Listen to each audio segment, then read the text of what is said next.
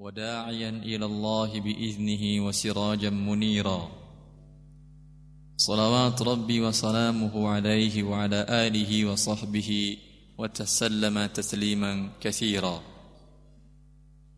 وبعد كمسلمين كمسلمات جماعة مسجد جامع البركة serta para pendengar Radio Roja di mana pun anda berada semoga dimuliakan oleh Allah subhanahu wa ta'ala dan dirahmatinya. Kita masih membahas buku harta haram ini dan masih pada pembahasan pilar yang pertama yang menyebabkan sebuah transaksi itu diharamkan oleh Islam yaitu pilar yang mengandung kezaliman. Maka sebuah transaksi mengandung kezaliman termasuk transaksi yang diharamkan dalam Islam. Sebelumnya telah kita bahas bahwa termasuk kezaliman adalah menerima upah jasa dari perbuatan yang diharamkan. Dan tampak kezalimannya jelas. Dan sekarang kita akan bahas sebaliknya. Upah dari jasa sebuah ibadah. Seorang melakukan ibadah, bolehkah dia mendapatkan upah dari jasa melakukan ibadah tersebut. Dalam hal ini ibadah ada yang bersifat mahdoh semata-mata ibadah ada ibadah yang bersifat tidak mahdoh ada di sana campuran atau berbaur dengan hal yang bukan ibadah. Ya. Bercampur di antara ibadah mahdoh dengan tidak ibadah mahdoh. Yang ibadah mahdoh tadi ada yang fardu ain wajib dilakukan oleh seseorang. Ya. Maka sesuatu yang fardu ain dilakukan oleh seorang muslim tidak boleh dia mendapatkan upah dari melakukan perbuatan tersebut. Wajib dia melakukan itu. Kemudian setelah itu dia lakukan, dia minta upah kepada seseorang. Maka tidak sah upah yang diambil dari imbalan melakukan ibadah yang wajib tadi. Dalam hal ini, para ulama kita menukil. Sudah ada kesepakatan. Ijma' para ulama terdahulu bahwa imbalan dari ibadah mahdoh ini yang fardu ain dia lakukan tidak sah dan tidak halal bagi dia termasuk harta haram. Ibnu Qudamah mengatakan dalam kitabnya Al-Mughni وأما ما لا يتعدى نفعه فاعله من العبادات المحضة كالصيام وصلاة الإنسان لنفسه فلا يجوز أخذ الأجر عليها بغير خلاف. Adapun sesuatu yang manfaat dari perbuatan sesuatu tersebut hanya untuk pelakunya saja. Termasuk perbuatan itu ibadah yang mahdoh seperti puasa dan sholat. Puasa dan sholat. Manfaat dari puasa dan sholat untuk siapa? pelakunya saja. Tidak bisa dipindahkan kepada orang lain. Ya. Maka tidak boleh dia mengambil upah fala yajuzu akhzul ajri. Tidak boleh dia mengambil upah dari perbuatan ibadahnya ini. Bi ghairi khilaf tidak ada beda perbedaan pendapat para ulama dalam hal ini. Al-Kasani ulama dalam mazhab Hanafi dalam bukunya Bada'i as-Sana'i juga mengatakan hal yang sama. Bahwa persyaratan jasa yang boleh diupahkan ya ayyakuna alla yakuna al-amalul mustajar lahu fardhan wala wajiban. Bahwasanya perbuatan yang dilakukan jasa yang dilakukannya itu bukanlah perbuatan yang fardu dan bukan perbuatan yang wajib. Bagi orang yang diupah sebelum ada akad ijarahnya. Fa in kana aw wajiban qabla al-ijarati lam tasihha bila ibadah tersebut. Wajib dilakukan sebelum ada akad ijarah sewa menyewa. Maka kemudian dilakukan akad sewa menyewa ini uang.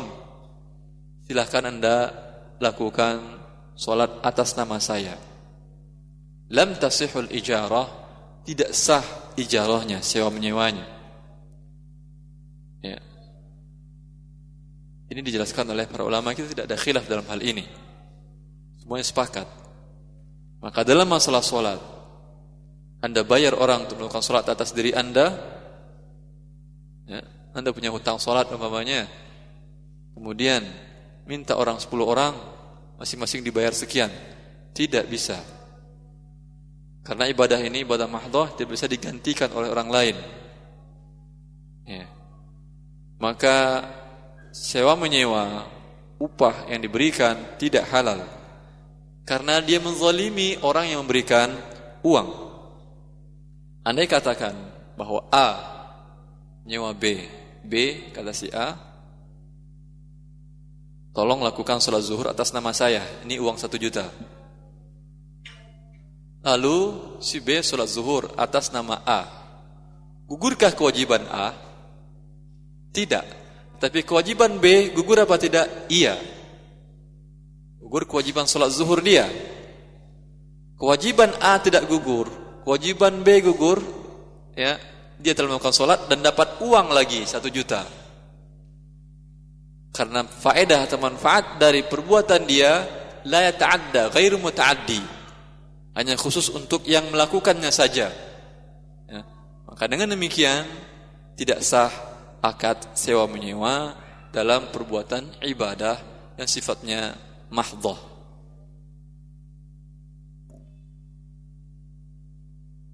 Adapun ibadah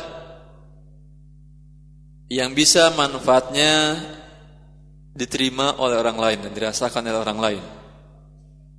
Seperti ibadah mengajarkan Al-Qur'an. Ibadah kan mengajarkan Al-Qur'an? Iya, ibadah yang paling mulia. Rasulullah SAW khairukum man ta'allama al-Qur'ana wa 'allamah. Orang-orang yang terbaik di antara kalian adalah orang yang pelajari Al-Qur'an dan mengajarkan Al-Qur'an. Jelas bahwa mengajarkan Al-Qur'an adalah ibadah. Akan tetapi manfaat dari ibadah ini dapat dinikmati oleh pelajar yang belajar Quran tadi bisa dia menjadi membaca jadi bisa dia membaca Al-Qur'an. Bagi pengajar adalah ibadah. Ya. Bagi yang belajar selain beribadah dia dapat manfaat lain, dapat bisa membaca Al-Qur'an. Atau manfaat yang lain. Seperti ya mengajarkan ilmu-ilmu keislaman, mengajarkan hadis, fikih, tafsir dan lain-lain. Bagi dia mengajarkan merupakan takarrub kepada Allah Subhanahu wa taala. Ibadah kepada Allah Subhanahu wa taala. Dan bagi yang belajar mendapatkan manfaat dari belajar tersebut, tahu dia sesuatu yang diharamkan oleh Allah atau tahu dia perintah-perintah Allah sehingga dilakukan tahu dia larang-larang Allah sehingga dia hentikan. Atau menyampaikan fatwa. Anda ada kasus dalam kehidupan Anda dan ingin tahu hukum Allah dalam hal ini. Bila dikatakan oleh mufti tadi hukumnya adalah boleh Anda lakukan, bila dikatakan oleh dia tidak boleh maka Anda hentikan. Ya. Maka pemberian fatwa tadi adalah ibadah bagi dia ya, mengajarkan manusia. Untuk ibadah yang ini yang ada manfaatnya bagi orang lain, apakah boleh mengambil imbalan atau tidak? Kalau yang pertama tadi jelas tidak boleh ya. Nah sekarang ada manfaatnya untuk orang lain. Bolehkah dia mengambil imbalan atas jasa yang diberikannya ataukah tidak? Dalam hal ini ada kesepakatan para ulama.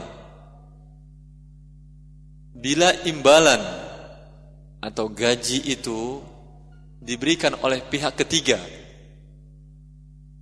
ya, diberikan oleh pihak ketiga, bukan oleh murid yang belajar, tapi oleh pihak ketiga. Seperti zaman dahulu Baitul Mal. Ya. Zaman sekarang mungkin dia menjadi pegawai negara penyuluhan keagamaan atau dia diberikan dana atau biaya hidup atau gaji oleh lembaga sosial yang ada keterikatan kafalatul duat sebuah lembaga sosial mengangkat dia ya jamiah khairiyah mengangkat dia untuk menjadi dai silahkan Anda menyampaikan dakwah Anda mengenai kebutuhan keseharian Anda kami yang menanggung kami berikan Anda uh, mukafaah atau imbalan sekian per bulan ini sepakat para ulama hukumnya boleh dan tidak ada khilaf. Atau bisa disamakan dengan lembaga sosial ini panitia atau pihak penyelenggara. Ya. Atau juga bisa disamakan dengan ini seseorang yang berikan dan tanpa ada akad ijarah. Terkadang dia memberikan, terkadang dia tidak memberikan, ya. Terkadang ada dan terkadang tidak terkadang banyak, terkadang sedikit. Ini akadnya bukan ijarah. Karena bila akad ijarah itu harus jelas berapa. Dan setelah jelas berapanya, karena bila tidak jelas berapanya dari awal, termasuk gharar. Dan Rasulullah SAW melarang jual beli gharar. Upah, sewa menyewa, juga bagian dari jual beli. Tukar jasa dengan uang. Dalam hal ini para ulama sepakat boleh. Karena para sahabat dan para ulama terdahulu mereka mengambil atoya dan diberikan arzak, diberikan uang tunjang tunjangan kehidupan mereka dari Baitul Mal, dari kas negara. Ya. Masing-masing mereka mendapatkan hal tersebut dan tidak masalah. Tidak ada khilaf para ulama tentang hal tersebut. Yang menjadi permasalahan menjadi khilaf para ulama yaitu akad sewa menyewa antara seorang pemberi jasa yang jasanya ini adalah ibadah dengan pemakai jasa ibadahnya tadi. Dan ibadah kita katakan yang ada manfaatnya untuk pihak pemberi jasa. Ya. Seumpamanya ada sebuah keluarga atau sekelompok orang datang minta kepada seorang yang mengerti membaca kitab Allah atau mengerti agama Allah Subhanahu wa taala. Lalu dia mengatakan, e, "Ustaz, tolong ajarkan kami ini Al-Qur'an atau ini ini ini setiap kedatangan Ustadz kami berikan imbalan sekian. Umpamanya dikatakan 100 ribu, 200 ribu tergantung kesepakatan. Lalu Ustadznya mengatakan, wah itu kurang. 200 lah, atau 300, atau dua setengah, atau tiga setengah. Terjadi tawar menawar. Kata pihak tersebut, ya baik. Ini sekarang akad Bisa dibedakan dengan yang pertama. Tadi pertama tidak ada akad. Ustaz, tolong isi kajian. Tidak ada akad dikasih biaya atau dikasih honor kan? Ternyata ustaznya pulang dan salaman dengan seluruhnya salam dan tidak dikasih apa-apa. Tidak boleh ustaznya menuntut. Dan tidak menjadi kewajiban bagi yang penerima jasa ustaz tadi untuk memberikannya. Karena kesepakatannya dari awal apa? Cuma memberikan pengajian atau memberikan mengajarkan Al-Quran. Berbeda dengan kasus yang kedua ini. Memang pihak panitianya atau pihak penerima jasanya dari awal menjelaskan. Kami beri sekian. Dan ustadznya pun menawar. Kalau menurutnya kurang minta naik. Kalau lebih mungkin minta kurang. Enggak tahu tapi jarang mungkin. Tapi kalau kurang minta naik. Ya, ini tar menawar, ini akad. Setelah nanti selesai, minta tidak minta ustadznya kewajiban bagian pemakai jasa untuk memberikan upah dia. Karena di awal sudah ada kesepakatan. Tidak dibayar oleh mereka sekarang, akan dibayar mereka kapan pun juga. Karena menjadi hutang atas diri mereka. Karena dari awal sudah ada akad kesepakatan. Ya, berbeda dengan kasus yang pertama tadi kan. Ya, yang kedua ada akad. Jelas berapa berapanya. Kasus yang kedua ini khilaf para ulama. Kalau yang pertama tidak ada khilaf para ulama. Berdasarkan dahulunya para sahabat menerima para tabi'in menerima ataya al-arzaq pemberian dari Baitul Mal. Yang kedua ini, ini yang ada khilaf para ulama, boleh atau tidak bolehkah akad yang seperti ini? Sebagian para ulama dalam mazhab Hanafi dan Hambali mengatakan tidak boleh. Kalau akadnya akad yang kedua, akad sewa menyewa tidak boleh. Kalau tidak boleh, berarti tidak halal bagi pemberi jasa tadi untuk menentukan upah dan menerima upah. Jelas, kalau yang pertama tidak ada masalah. Dia hanya menyampaikan. Kemudian nanti ada panitia yang memberikan amplop, tanpa ada kesepakatan nggak jadi masalah. Terkadang banyak, terkadang sedikit, terkadang tidak ada. Ya. Kalau sekarang tidak, ada akad dari awal. Rugi penitia harus tanggung jawab. Ya, karena di awal kesepakatan demikian ternyata yang terkumpul dari para pemakai jasanya kurang. Maka mereka harus menambah untuk menutupi kesepakatan di awal tadi. Ini kasus yang kedua. Ini yang khilaf para ulama, sebagian para ulama melarang hal ini. Mereka mengatakan bahwasanya para anbiya, para nabi Allah Subhanahu wa taala, Rasulullah dalam menyampaikan dakwah mereka, mereka selalu mengatakan wa ma as'alukum alaihi min ajr. Allah mengatakan ulaika alladzina hadallah fabihudahu muqtadi qul la as'alukum alaihi ajra in huwa illa dzikra lil alamin mereka para rasul itu adalah orang-orang yang telah diberi petunjuk oleh Allah maka ikutilah oleh kalian petunjuk mereka. Katakanlah ya Muhammad la as'alukum alaihi ajra. Saya menyampaikan dakwah ini tidak meminta upah kepada kalian. In huwa illa dzikra lil alamin. Apa yang saya sampaikan ini hanyalah peringatan untuk alam semesta.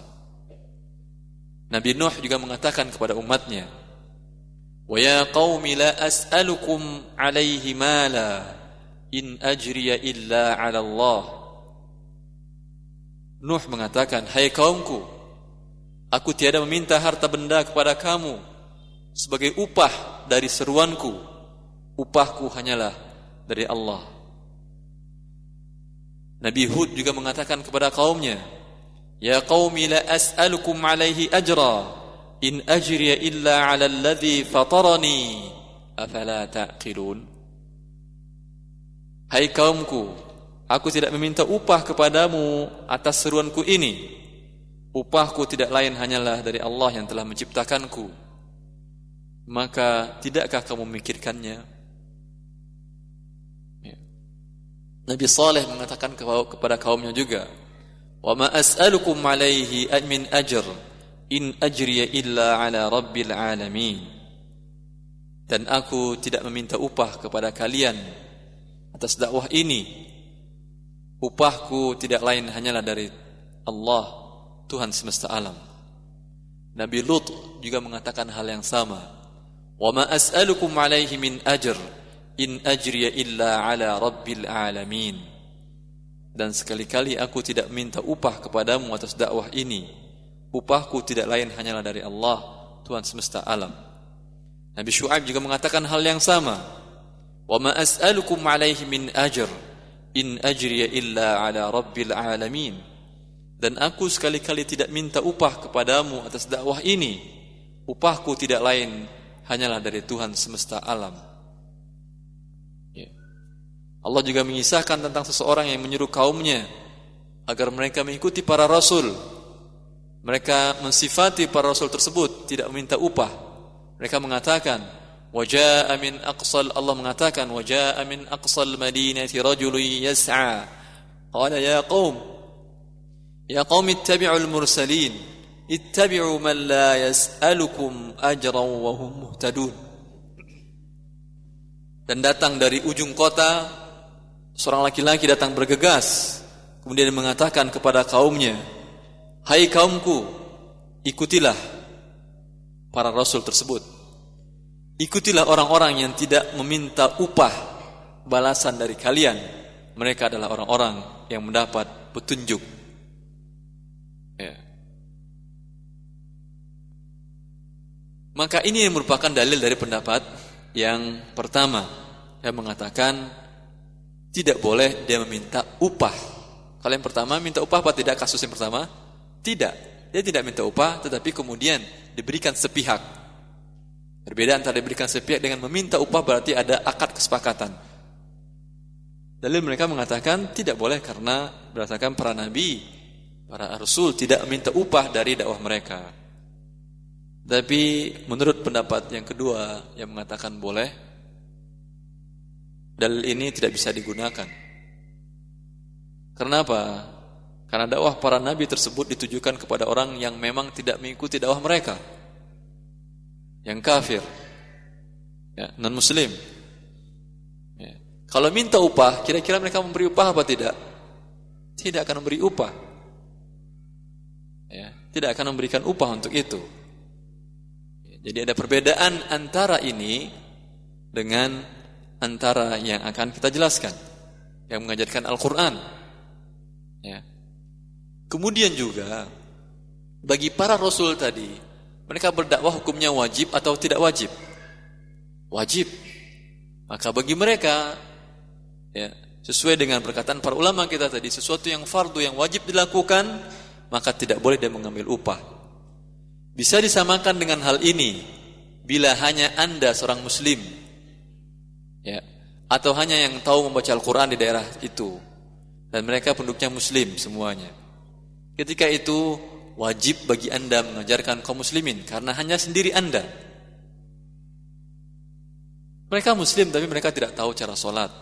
Mereka muslim tapi tidak tahu tidak bisa baca Al-Qur'an tidak bisa baca Fatihah. Ada ini. Dan ada di daerah pedalaman. Salah seorang pernah membuat riset di sebuah daerah di Eh, di Sumatera. Dia mengatakan saya masuk ke pedalaman ya di sana mereka itu secara di atas kertas agamanya bukan Islam lagi sudah. Tetapi bila satu masuk ke, ke rumah yang lainnya rumah-rumahnya adalah rumah orang-orang pedalaman lah. Mereka membacakan assalamualaikum.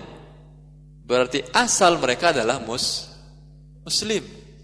Hanya karena tidak ketahuan mereka dan din mereka mereka dimurtadkan oleh orang-orang lain. Tapi tetap mereka adat kebiasaan mereka ketika masuk rumah mengucapkan assalamualaikum. Bagi orang yang berada di sana dan, dan mengerti agama Allah, wajib bagi dia untuk mengajarkan orang-orang ini, wajib ain. Dan ketika itu tidak boleh dia meminta upah. Ya, ketika ada yang mau belajar Al-Quran, ajarkan saya Al-Quran, ajarkan saya cara sholat ya Anda harus bayar satu gantang beras setiap harinya. Tidak boleh. Karena ketika ini bagi dia wajib. Ya. Sama dengan para rasul tadi.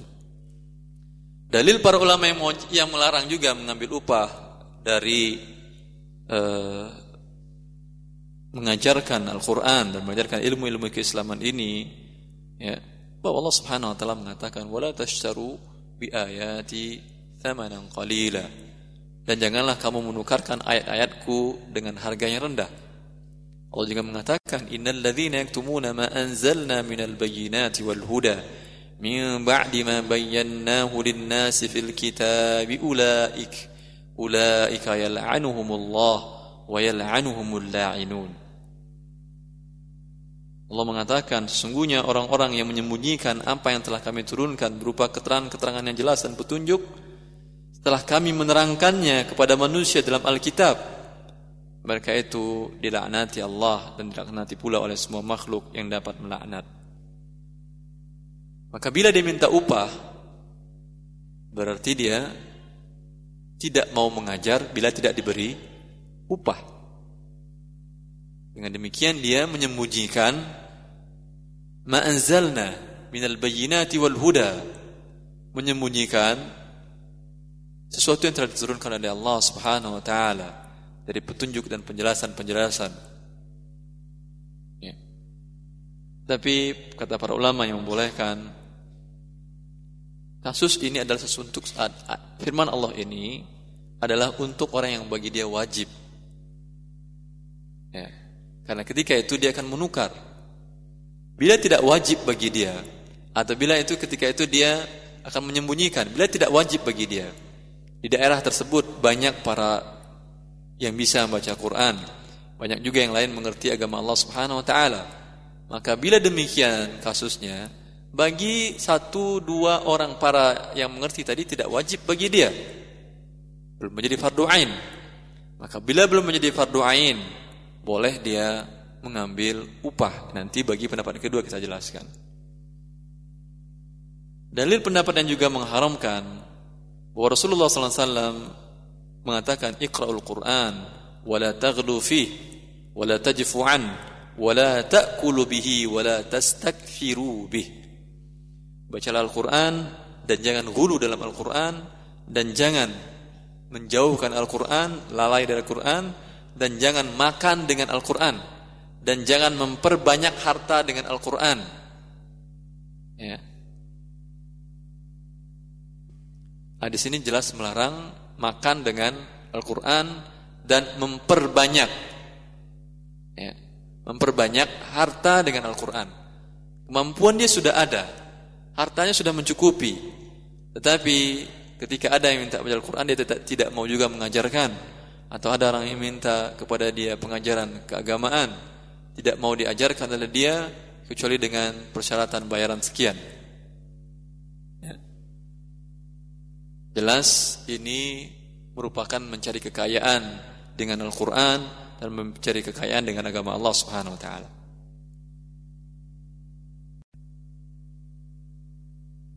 ulama yang lain ulama dalam madhab Maliki dan Syafi'i membolehkan mengambil upah dari perbuatan-perbuatan tadi. Dari mengajarkan Al-Quran, mengajarkan hadis, mengajarkan ilmu-ilmu keislaman dan lain-lain. Ya. Di antara dalil yang menjadikan pegangan mereka, ini upah ya, kontrak umpamanya mengajar Al-Quran di sebuah lembaga. Kalau lembaga kita tadi bisa katakan bahwa itu adalah dengan pihak ketiga, bukan dengan orang yang langsung. Kalau yang langsung datang dia kepada pemakai jasa Anda langsung datang mengatakan ya, kami kontrak Anda untuk mengajarkan kami sampai bisa baca Al-Qur'an. Kami bayar sekian. Ya, itu jelas kontrak. Kalau tidak dia hanya mengatakan ajarkan kami Al-Qur'an. Sudah dia mau mengajarkan. Kemudian terkadang diberi, terkadang tidak, terkadang ada, kadang banyak, terkadang sedikit. Itu lain seperti yang pertama telah kita jelaskan. Dalam pendapat Malikiyah dan Syafi'iyah mereka mengatakan walaupun dalam status kontrak ya tetap hukumnya boleh. Ya, tetap hukumnya boleh. berdasarkan hadis dari Ibn Abbas yang diriwayatkan ya, oleh Bukhari tentang kisah kepala suku yang disengat hewan berbisa. Para sahabat ini melewati sebuah perkampungan ya dan minta makan kepada mereka tidak dijamu ternyata mereka tidak menjamunya. Kemudian mereka berlalu dan mereka mempunyai firasat bahwa para sahabat ini berwajah lain, berpenampilan lain. Sepertinya mereka memiliki sesuatu yang tidak mereka miliki. Ya. Ternyata kebetulan kepala suku mereka, tokoh mereka terkena sengatan hewan berbisa. Maka mereka meminta sahabat yang telah mulai meninggalkan kampung mereka untuk mau kembali untuk mengobati kepala sukunya. Lalu sahabat ini mengatakan, saya akan obati dia. Saya akan bacakan mantra, tapi dengan syarat berapa upahnya. Terjadilah kontrak, akad, transaksi, sekian ekor kambing. Bila dia sembuh. Maka kembalilah dia dan dibacakan olehnya Al-Fatihah saja pada kepala suku yang sakit ini. Setelah Al-Fatihah selesai kepala suku ini bangkit seolah-olah tidak pernah sakit sebelumnya. Dan mereka pun memenuhi kontrak mereka dan diberikan mereka kambing seperti yang disepakati di awal. Ya lalu sebagian mereka makan sebagian lain mengatakan nanti ketika bertemu Rasulullah maka dibawa kepada Rasulullah SAW dan diberitahukan kepada Rasulullah SAW di Madinah. Maka Rasulullah mengatakan, Inna haqqa ma alaihi ajra kitabullah. Sungguhnya upah yang paling pantas untuk kalian terima adalah imbalan dari Al-Quran. Tadi dia membaca Al-Quran. Wajib apa tidak bagi dia baca Al-Fatihah tadi? Tidak. Ada manfaatnya apa eh, tidak? Ada manfaatnya sebagai ruqyah, sebagai mantra. Dan buktinya orang itu langsung sembuh. Ya. Dan ada di sana transaksi tadi. Dan diberitahukan kepada Rasulullah. Rasulullah mengatakan, "Inna ahaqqa ma akhadhtum alaihi ajra kitabullah." Yang paling pantas kalian ambil upah dari sebuah pekerjaan adalah mengajarkan kitabullah. Dalilnya kuat sekali. Kemudian dalil yang lain diriwayatkan oleh Bukhari dan Muslim bahwasanya datang seorang wanita menawarkan dirinya kepada Rasulullah SAW untuk dinikahi. Lalu Rasulullah SAW melihat dari atasan ke bawah dan Rasulullah SAW tidak ada hajat. Maka ketika tahu Rasulullah tidak ada hajat dengan wanita ini, salah seorang sahabat berdiri dan mengatakan, Ya Rasulullah, nikahkan dia untukku. Maka kata Rasulullah SAW, ya, carilah maharnya. Ya, carilah maharnya. Dia datang tidak tidak memiliki mahar apa pun juga. Rasulullah menanyakan, kamu hafal beberapa surat? Dia menjawab, saya hafal beberapa surat.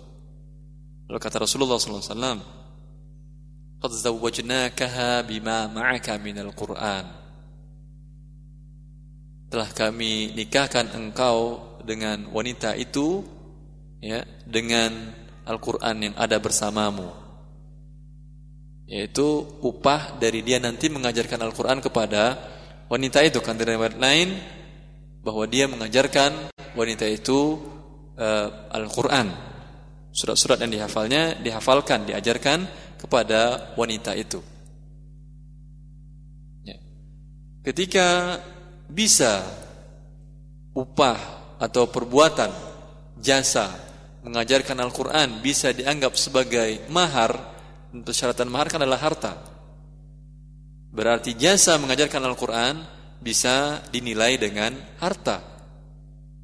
Maka dengan demikian boleh untuk mengambil upah ya, membuat transaksi kontrak dengan pemilik jasa dengan pengguna jasa dalam mengajarkan Al-Qur'an dan mengajarkan ilmu-ilmu keislaman.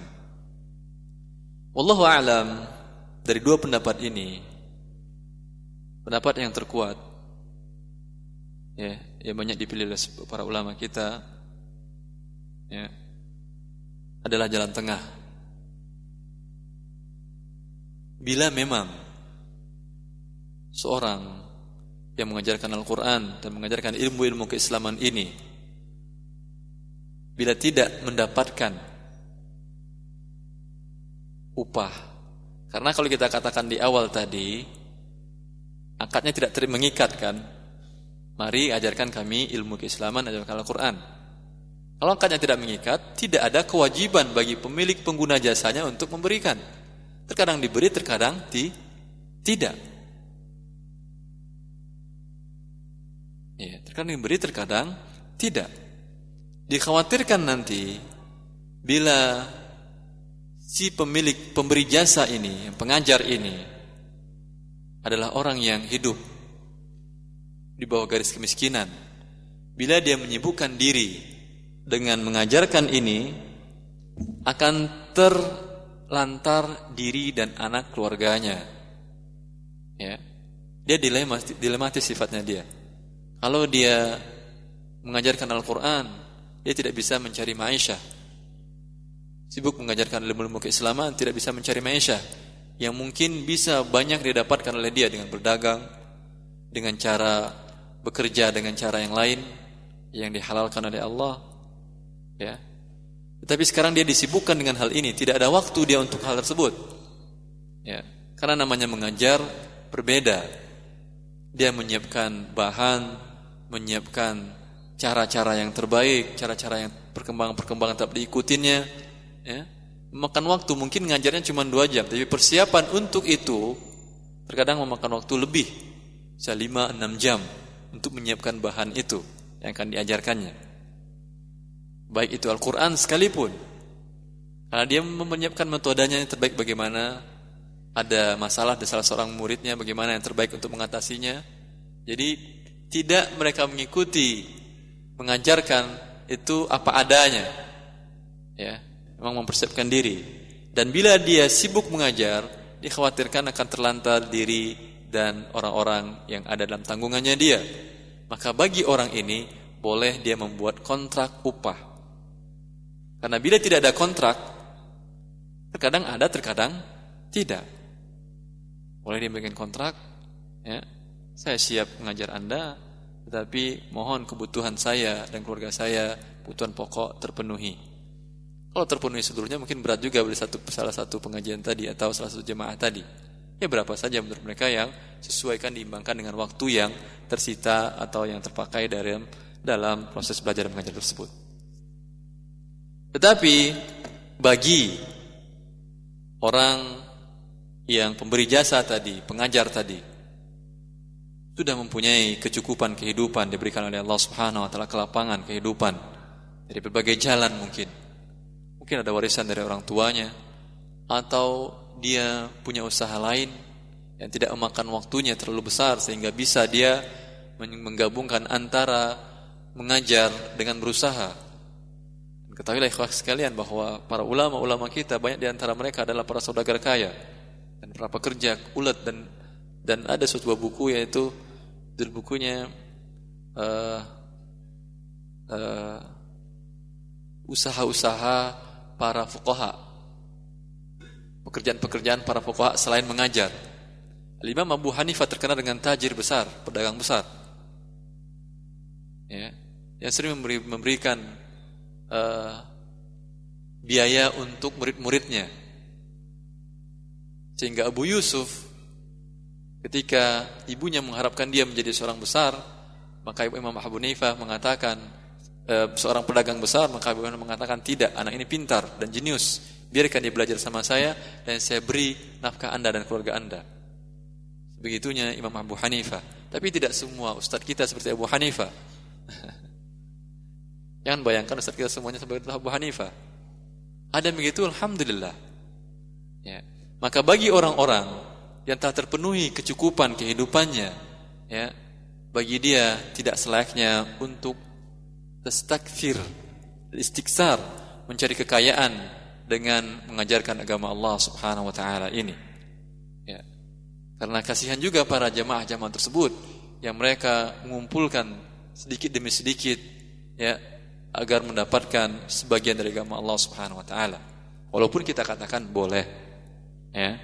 Walaupun kita katakan boleh, tapi sebaiknya demikian sehingga tidak kita temukan lagi ya eh, gejala-gejala atau kasus-kasus yang ustaz tersebut tidak mau datang bila kurang dari sekian juta panggilannya kesepakatan dari awal atau ternyata kurang dan ternyata jadwalnya banyak di awalnya tidak jelas ternyata banyak dia minta tambah itu jelas akadnya tidak baik memperkaya diri dengan cara yang begitu ya tapi kita tidak menutup 100% juga menutup rapat pintu ini karena ada dari dalil yang menjelaskan boleh mengambil uh, upah dari ibadah ini. Wallahu taala alam. Insyaallah nanti kita lanjutkan dengan tanya jawab setelah salat. Assalamualaikum warahmatullahi wabarakatuh. Assalamualaikum apa Waalaikumsalam apa hukum kita berdagang sedangkan masih belum tahu akan hukum-hukum perdagangan secara syar'i. kita jelaskan bahwasanya seseorang wajib mempelajari apa yang dibutuhkan dia pada saat itu. Bila dia ingin berdagang, dia wajib mempelajari tentang akad-akad dagang yang akan digunakannya. Sekurang-kurangnya dia tanyakan tentang perdagangan yang dilakukan sekarang. Dia akan melakukan perdagangan bentuknya begini, begini, begini. Sampaikan kepada ahli zikir biar ahli zikir mengatakan boleh atau tidak. Bila dikatakan dia tidak, mungkin dia carikan solusi lain yang lebih baik bagi anda secara din, secara syar'i dan juga dan juga mungkin lebih menguntungkan secara duniawi. Ya. Maka kewajiban untuk mempelajari di sini tidak mesti anda harus umpamanya belajar akad jual beli dari A sampai Z. Karena ini sangat sulit sekali. Ya. Karena kita katakan bahwa mempelajari akad muamalat sangat sulit sekali, banyak pembahasan-pembahasannya. Maka daripada Anda terlalu repot, kalau umpamanya harus ngerti dulu tentang muamalat, mungkin lima tahun Anda belajar muamalat baru mulai dagang. Kapan lagi Anda membiayai diri dan keluarga Anda? Cukup transaksi yang akan Anda lakukan ini. Ustaz, saya akan melakukan transaksi contohnya begini, begini, begini, begini halalkah atau tidak? Dia katakan umpamanya tidak. Lalu bagaimana solusinya agar halal robah jadi begini-begini? Atau dia katakan halal, sudah Anda lakukan. Bila nanti menemukan cara transaksi baru lagi, ada yang membeli kepada Anda dengan cara yang lain lagi. Tadi ada yang membeli. Berbeda dengan cara ditanyakan pertama. Tanyakan lagi kepada Ustadz tadi. Ustadz ini ada yang beli dengan cara begini, begini, begini, begini. Halal atau tidak? Saya menjawab halal.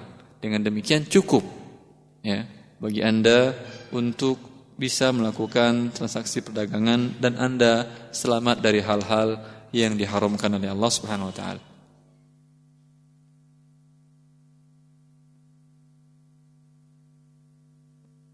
Assalamualaikum Ustaz, kalau Ana diberi upah atas jasa Ana mengajar Al-Quran, apakah Ana tetap mendapat pahala dan ilmu itu mengalir di alam kubur nanti? Syukran. Iya insyaallah taala. Bila upah Anda ini bukan merupakan tujuan asasi. Bukan tujuan asasi. Artinya tujuan asasi itu Anda tujuan utamanya memang untuk dunia. Tapi tujuan Anda mengajarkan Al-Qur'an ternyata mendapatkan imbalan dari orang yang menggunakan jasa Anda, walhamdulillah. Ya, karena berarti tujuan dunia hanya sebagai pengikut dan bukan tujuan awal Anda untuk mengajar. Allah taala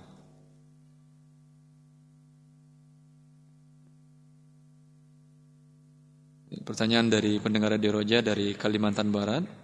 Assalamualaikum Ustaz, apa boleh mengambil upah bagi khotib yang biasa diberikan kepadanya? Sama pemasalahannya. Permasalahan jadi khotib kalau bagi dia wajib dia jadi khatib. Karena memang ada di beberapa daerah, ya seperti saya pernah ke daerah itu, tidak ada orang yang bisa jadi khatib bila yang khatib ini sakit. Hanya ada satu khotib yang dia itu pun membaca konsep dengan bahasa Arab Melayu di zaman dahulu. Kalau dia sakit atau ada uzur, orang tidak Jumatan. Kalau tidak muncul satu dua hari itu, orang nggak ada satu pun datang sholat Jumat sudah. Nggak ada yang mau berani jadi khotib. Ya. Bila orangnya begini, dia wajib ain bagi dia untuk jadi khotib, tidak boleh bagi dia menerima upah dari khutbahnya. Tetapi kalau dia tidak wajib bagi dia, ada yang lain yang bisa mampu jadi khatib, maka boleh dia menerima upah dari khutbahnya. Wallahu a'lam.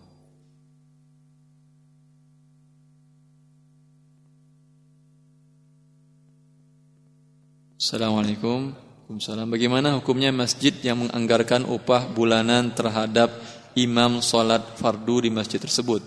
Syukran dari pendengar Radio Roja di Pondok Gede, Abu Haikal. Ya. Kalau upah ini diberikan oleh pihak ketiga dan oleh negara umpamanya, itu baik sekali. Tidak masalah. Seperti di beberapa negara, seperti di Saudi Arabia, itu imam masjid, khatib, itu mendapat gaji dari negara Ya, dengan demikian bisa ditunjuk imam khotibnya yang benar. Tidak asal kemudian berani maju, tampil, kemudian membaca dengan bacaan yang salah, kemudian khutbah asal keluar dari mulutnya saja tanpa menyiapkan, tanpa mengetahui mana yang benar dan mana yang salah. Ya. Bila ini memungkinkan sangat baik sekali.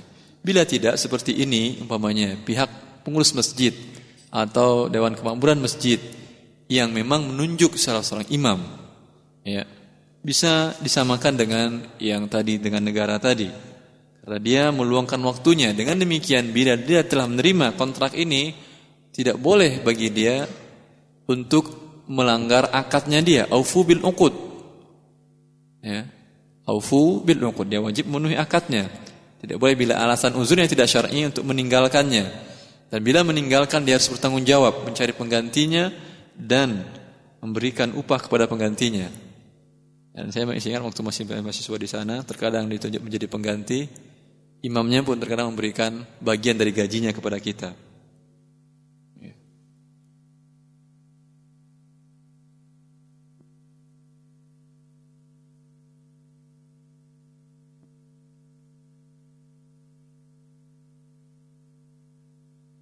Assalamualaikum Ustaz Sutioso di Justice Rono Pertanyaannya bagaimana upah yasinan?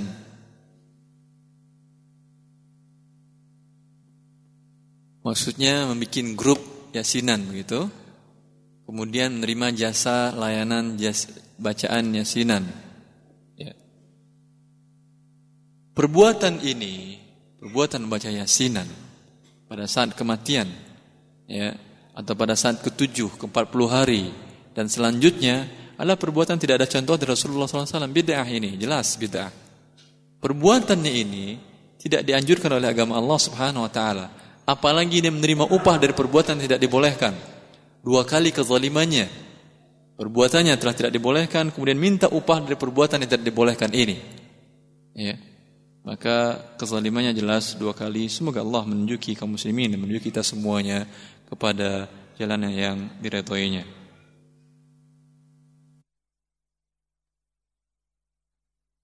Dan selanjutnya, bila kenaikan pangkat atau jabatan dengan cara yang tidak halal, dengan cara menyogok atau dengan cara yang tidak halal lainnya, apakah upah gaji yang didapatkan dari jabatan itu haram?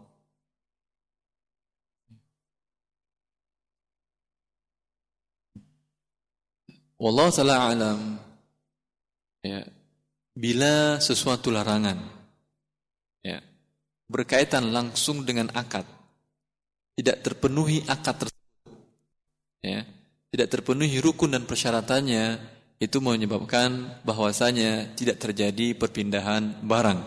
Akadnya tidak dibenarkan. Bila dia dilarang, ya, bukan karena zatnya, tapi karena ada sifat yang lain yang dia bukan bagian rukun daripada perbuatan tersebut maka keharamannya adalah keharaman pada yang dilarang itu, tidak terlarang uh, akad yang dilakukan. Dalam kasus ini, kenaikan pangkat dengan cara menyogok, dengan cara tidak halal yang lain. Apakah dia berhak untuk naik pangkat atau tidak? Bila secara hitungan peraturannya dia sudah berhak naik pangkat. Tetapi dia tidak mungkin untuk bisa naik pangkat begitu saja sebelum melakukan hal-hal yang tidak dihalalkan ini. Ya. Maka tidak akan berdampak ini kepada kehalalan daripada gajinya nanti karena dia berhak untuk mendapatkan itu. Ya. Berbeda kalau tidak sama sekali tidak berhak. Ya, ada orang yang lebih berhak untuk mendapatkan pangkatnya jabatan itu. Tetapi sengaja dia e, mendahuluinya dengan memberikan sogok atau riswah. Maka ini berdampak kepada tidak halalnya gaji yang diterima dari jabatan tersebut. Wallahu taala alam. Assalamualaikum warahmatullahi wabarakatuh.